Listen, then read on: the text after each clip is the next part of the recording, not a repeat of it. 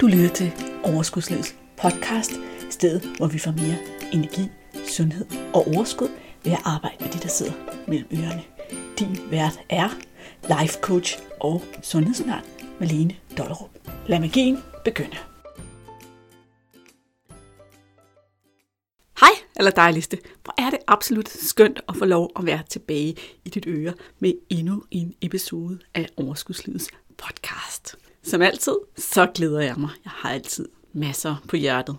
I dag hedder afsnittet eller episoden Afskaf buddhismen. Burdeismen. Helt ærligt, så har jeg allerede sendt en mail ud om det her emne, men jeg er slet ikke færdig med emnet. Og jeg har mange flere ord, end jeg nogensinde kan tillade mig at proppe ind i en mail, hvis den skal blive læst. Så nu får du dem her i stedet for. Men først vil jeg lige spørge dig, helt ærligt kære lytter, har du læst mailen, mailen med titlen Afskaf buddhismen? Ellers, hvad venter du på? Hop straks med på listen og få masser af inspiration, ligesom den i podcasten her, lige ind i din indbakke. Hvad skal du gøre? Du skal gå ind på overskudslivet.dk-videoserie. Der er selvfølgelig et link i episodenoterne, hvis du skulle komme til at glemme linket. Men lad mig komme tilbage til historien. Historien om, hvordan jeg lærte om buddhismen. Det var en helt almindelig onsdag, og jeg er på telefonen med en af mine skønne coachingklienter. I løbet af vores tid sammen har hun virkelig arbejdet hårdt og opnået den vildeste udvikling. Men det betyder jo ikke, at altid alting går som smurt. Så hun starter på sætningen, ja, jeg burde jo, og så stopper hun sig selv og siger, ej, det er vist på tide, vi afskaffer buddhismen. Og så griner vi. Det er da ugens bedste statement. Jeg har aldrig hørt det formuleret før på den måde, men jeg var helt oppe at ringe. Jeg sagde, det der, det er det bedste, jeg har hørt. Der ligger så meget betydning i den sætning. Alene begrebet buddhisme, som sådan en religion, vi læner os op af. Vi går rundt og bør og skal alt muligt. Og burde det er nemlig et ord, som der sniger sig ind i vores ordforråd og antyder, at der er noget galt med os. Der er noget galt med os. Der er noget, vi skal gøre, som vi ikke gør. Nogle de bruger det flittigt, både over for sig selv og også over for andre. Nogle gange har vi endda forestillinger om, hvad andre synes, at vi burde og så kan vi også have dårlig samvittighed over det. Men i ordet burde ligger jo også, at det er noget, som vi ikke har lyst til at gøre. Men vi føler os forpligtet til at gøre på grund af vores samvittighed. Så det er ret ofte, at vi efter at have sagt ordet burde, eller tænkt ordet burde, eller involveret os med ordet burde, hiver en stor gummihammer frem og slår os selv lidt oven i hovedet over, hvor udulige og elendige vi er. Og skaber en masse negative følelser, som så kan rulle en lavine af dårlig samvittighed, fordi vi som regel gør et eller andet uhensigtsmæssigt for at få den vemmelige følelse væk. Så det kan sagtens for eksempel over, eller øh, begynde en overspisningsspiral. Dårlig plan. Stop. Bare stop. Afskaf ordet. Pille det ud af dit ordforråd. Forestil dig, at burde ikke fandtes. Forestil dig, at du kunne sige, jeg kan vælge at, eller jeg kan vælge at. Eller jeg kan godt se, hvordan det kunne være en god idé at, men jeg vælger at, fordi jeg har et meget vigtigt budskab omkring valg. Og jeg har sagt det før, men jeg er nødt til at gentage det, fordi jeg vil gerne have, at det hænger meget godt fast i dit hoved.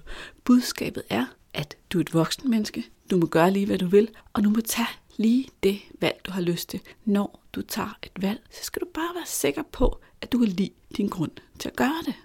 Det betyder også, at det kan godt være, at der er nullermænd i min stue, og at det kunne klæde min stue at blive støvsuget, men jeg vælger at lægge mig ned på sofaen og tage en slapper, fordi jeg har brug for en pause. Jeg kan godt lide mit valg. Jeg gider ikke sige, at jeg burde støvsuge det var ikke vigtigt nok at støvsuge. Det var vigtigere, at jeg fik en pause, så jeg kunne fungere igen resten af dagen. Det kan også være, at det var vigtigt, at jeg fik en pause, så at jeg ikke var nødt til at styre ud i skuffen med chokolade, for at have noget, der kunne holde mig op resten af dagen. Jeg kan faktisk, nu jeg står her og siger det, så ligger jeg jo på den sofa for at undgå at spise chokolade. Det er da en meget god plan, som pyt hver med nullemændene, ikke?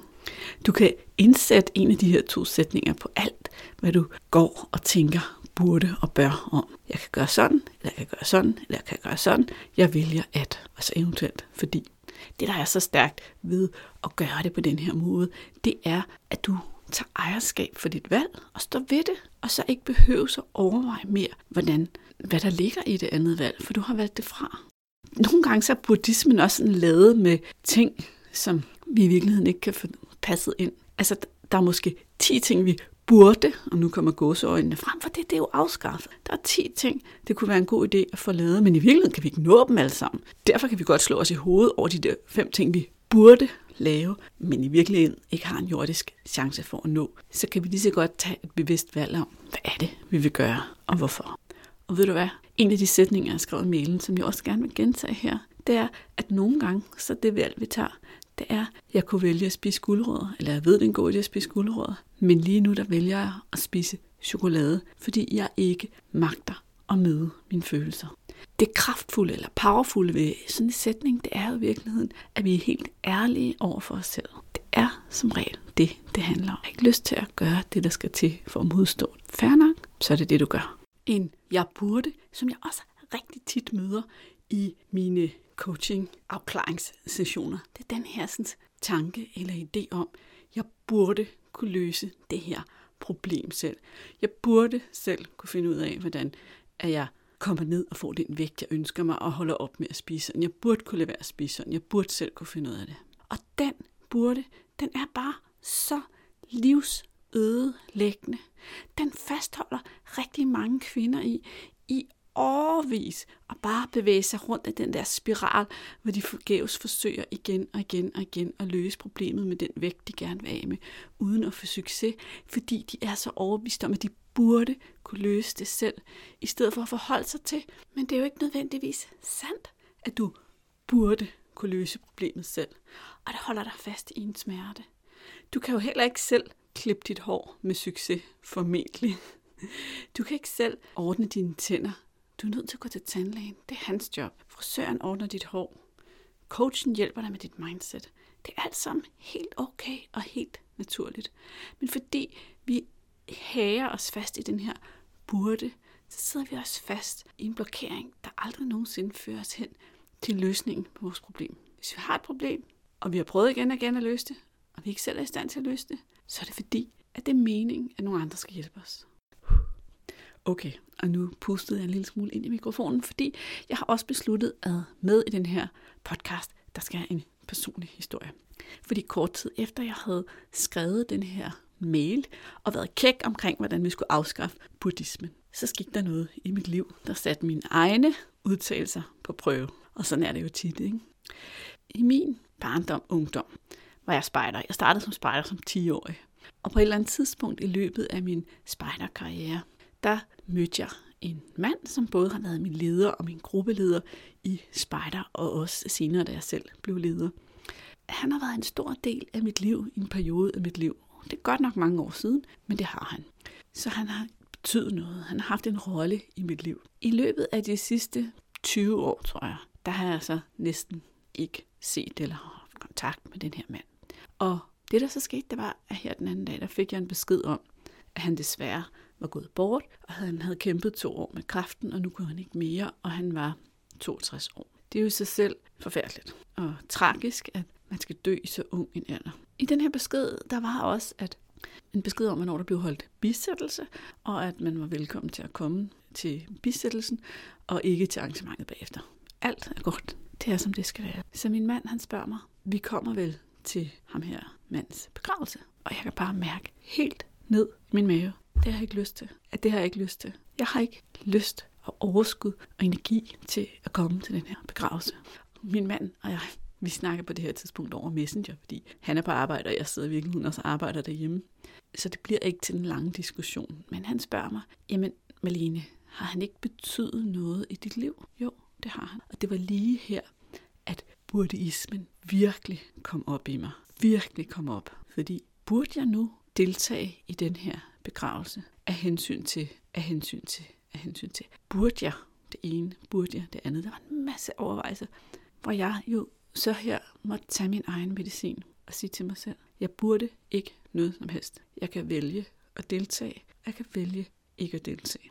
Har jeg det godt med mit valg, så er det det rigtige valg. Uanset om min mand forstår det eller ej. Uanset om mine gamle spejdervenner, som jeg stadigvæk ser, forstår det eller ej, så er det det rigtige valg nede i min mave. Jeg spurgte også mig selv et øjeblik, vil det betyde noget for hans familie, som jeg også kender? Vil det gøre en forskel? Vil det lægge mærke til, at jeg ikke var der? Det ved jeg ikke, men det tror jeg faktisk ikke. Men det jeg også kom frem til, det var, at en begravelse er jo et arrangement, der i bund og grund er designet til, at vi som mennesker kan tage vores sidste farvel med et andet menneske. Og for mig personligt, og det her, det er jo en meget personlig ting, så det kan være, at du har et helt andet syn på det. Og det er helt okay, at du har et helt andet syn på det. Du kan jo lige tjekke ind, om du sidder nu, hvor du lytter til min historie og tænker, at hun burde tage med til den begravelse. Så tænker du burde om andre mennesker. Og vi har jo lige afskaffet buddhismen, ikke? Okay? Men for mig personligt, der er det sådan, at jeg ikke har behov for at tage med til den her begravelse. Sige farvel til det her menneske. Fordi basically har jeg ikke haft nogen form andet end meget, meget sporadisk kontakt med ham de sidste 20 år. Så jeg har på en eller anden måde sagt farvel. Det kapitel i mit liv, hvor vi havde noget med hinanden at gøre, er afsluttet for lang tid siden. Der er ikke noget behov inde i mig for et farvel. Hvis han havde levet 20 år nu eller 30 år nu, havde jeg formentlig heller ikke set ham. Derfor så har jeg det godt med mit valg. Derfor så valgte jeg at sige, nej, jeg kommer ikke til den begravelse. Også selvom, at det måske, så tænker min mand om mig, at jeg er. Ja, det ved jeg ikke. Det er også lige meget, fordi husk nu, vi kan ikke styre, hvad andre mennesker tænker om os. Og vi kan ikke styre andre menneskers følelser. Så vi har bare ansvar for vores egne følelser. Og det nytter ikke noget, at vi lever vores liv på en måde, hvor vi bekymrer os om, hvad andre mennesker føler som konsekvens af vores handlinger. Så det var min ærlige historie om mit nyeste møde med buddhismen og mit nyeste livtag med det her. Og det er jeg håber for det første, at du tager godt imod den og stadigvæk tænker godt om mig. Ellers er det jo selvfølgelig helt op til dig. Men i hvert fald så synes jeg, det er sjovt at pege på, at hvis du har en anden mening end mig om det her, om der så kommer en lille burde op i din hjerne. Jeg brugte jo også det her eksempel for at illustrere over for dig, at når du hører noget i den her podcast, når du lærer noget her, eller andre steder, hvor du nu går ud og bliver inspireret til at udvikle dig selv og din hjerne, så betyder det jo ikke, at du bare ups, får det ind på lystavlen, og så er den gid barberet. Vel? Sådan er det aldrig. Vores hjerner, de er nogle værbanditter. De stiller jo krav til os, hvis vi vil lave noget om, så er vi faktisk nødt til at arbejde lidt målrettet og holde lidt fokus på det. Jeg plejer at give det her eksempel, som du måske godt kan genkende dig selv i. Og det er det her med, at jeg har min jævne mellemrum hører, det er sundt at sætte spisetempoet ned. Det er sundt at spise lidt langsommere. For det første så giver det god mening, fordi du sanser din mad bedre. Du får de her sensoriske oplevelser, der er i at spise. Men det giver også mening, fordi dine mæthedssignaler er et stykke tid om at nå op til din hjerne. Aha, god idé, tænker jeg. Nu vil jeg spise lidt langsommere. Sker det næste gang, jeg sætter mig ned ved min tallerken? Not. Overhovedet ikke. Inden jeg har sat mig ned til min tallerken næste gang, har jeg glemt alt om det og kører afsted på autopilot, når jeg spiser. Det er faktisk derfor, jeg har designet nogle øvelser til at knække nogle af de her koder omkring vores mønstre med mad. Men det er en helt anden historie. Men pointen er jo, at vi kan godt høre noget. Vi kan godt forstå intellektuelt, at det er en god idé. Men hvis vi ønsker rent faktisk at gøre brug af det, vi har lært, få gavn af det, vi har lært, så kræver det en lille ekstra indsats. Så kræver det lidt fokus. Derfor så spørger jeg dig også tit, jeg stiller tit spørgsmål, du kan reflektere over i de her podcasts, for at få din hjerne i gang med at starte det fokus. Det kunne fx være, at jeg spurgte dig, hvornår har du sidst tænkt, at du burde et eller andet? Er der noget, du sådan rimelig ofte tænker, du bør gøre, som du ikke får gjort?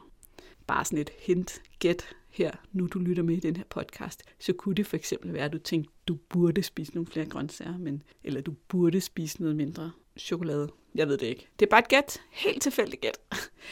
Også er der noget, du tænker, at nogen af dem omkring dig bør eller burde gøre.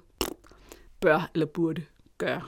Dine kollegaer, din partner, dine børn, din søster, din mor, din far, dine venner, burde et eller andet, hvad ved jeg, ringe på din fødselsdag, tage nogle af opgaverne, læse de mails, du sender til dem, hvad som helst. Prøv at reflektere lidt over, hvornår du tænker, at andre mennesker burde gøre noget. Og måden, vi giver slip på tanken om, at andre mennesker bør gøre noget som helst, det er ved fuldt ud at acceptere, at vi alle sammen er voksne mennesker, og vi må gøre lige, hvad vi vil. Vi må gøre lige, hvad vi vil. Ingen er så fri af konsekvenserne, men vi må gøre lige, hvad vi vil, og ingen andre kan bestemme, hvad du gør, og du kan ikke bestemme, hvad nogen andre gør. Heller ikke, selvom det efter dit moralske kompas eller dine værdier er forkert. Så det er ude af dine hænder. Så det er spild, spild, spild, spild af god energi at gå og tænke over, hvad andre burde gøre. Virkelig, virkelig spilde din energi. For ved du, hvem det går ud over? det går ud over dig selv. Det er virkelig sjældent, at vi går rundt og synes, at et andet menneske burde gøre noget, og vi rent faktisk i sidste ende får dem til at gøre det. Der kan være tilfælde, hvor vi kan servere noget, eller jeg kunne se en stor fordel for dig, hvis du gjorde sådan og sådan og så får vi folk til at gøre det. Men for det meste, så er det eneste, det bidrager til de her tanker omkring, hvad andre mennesker bør gøre. Det er vores egne negative følelser, det er vores egen ærgelse, det er vores egen negative fokus. Og en mindsket glæde ved at være sammen med andre mennesker. Derfor ud, ud med buddhismen. Og hvis du nogensinde mærker presset fra andre mennesker, der synes, du bør gøre noget, så kan du også læne dig tilbage i, jeg er et voksen menneske. Jeg må gøre lige, hvad jeg vil. Det jeg fokuserer på, det er, at jeg kan lide min grunde til at gøre det. Så hvad du har mening om, hvad jeg bør gøre, dem kan du bare have det over i din egen lille kuffert. Det interesserer mig ikke, og jeg vil ikke lade mig påvirke af dem. Og jeg vil slet ikke lade mine følelser påvirke af, hvad du mener, jeg bør gøre. Det her, det, det er ikke nemt. Det ved jeg godt. Det kan godt være en lang rejse, men den her rejse er også utrolig spændende og utrolig befriende. Fordi inden under alt det her, der ligger jo også troen på dig selv og dit selvværd og på din værdi som menneske. Og jeg vil gerne slutte den her podcast af med at fortælle dig og minde dig om en sandhed, en universel sandhed. Du er fuldstændig perfekt og værdig, som du er. Du skal ikke gøre noget for at være værdig. Du er bare værdig til at være her i livet og universet, som du er. Det var dagens ord, det var dagens podcast. Jeg håber, du blev inspireret. Jeg kom også lige til at tænke på, at jeg vil faktisk minde dig om noget. Eller fortælle dig om noget, for jeg tror, de fleste af jer, I ved det slet ikke. Og det er jo dårligt med sådan en her hemmelighed. Fordi det er sådan, at du kan faktisk få messengerbeskeder, hver gang der udkommer en ny episode af Overskudslivets podcast. Og jeg kan se, at der allerede er lidt over 60 mennesker, der benytter sig af den her service. Men måske vil du også have en lille besked i din messenger indbakke, hver gang du får en pod, hver gang du får, hver gang der udkommer en ny episode af podcasten, så du lige kan gå ind og tjekke, om det her emne ikke var noget, som du gerne vil inspireres af. Måden du gør det på, det er ved at gå ind på overskudslivet.dk-send podcast. Altså S-E-N-D-P-O-D-C-A-S-T. Send podcast. Ud i et. Ingen streger, ingen mellemrum, ingenting. Jeg sætter selvfølgelig også, da da, gæt hvad, linket i episodenoterne. Men det blev du vel ikke særlig overrasket over. Så, det var dagens ord. Vi afskaffer buddhismen, vi går ud i verden og nyder livet og vælger de ting, vi har lyst til, fordi vi godt kan lide vores valg. God fornøjelse. Jeg er tilbage i dit øre om en uge. Hey, inden du løber, glem ikke at abonnere på podcasten, så du ikke går glip af en eneste episode. Og skulle du have fingre i den gratis videotræningsserie Vægtab med din hjerne, så smut ind på overskudslivet.dk-videoserie, så lander den første video i din indbakke i dag.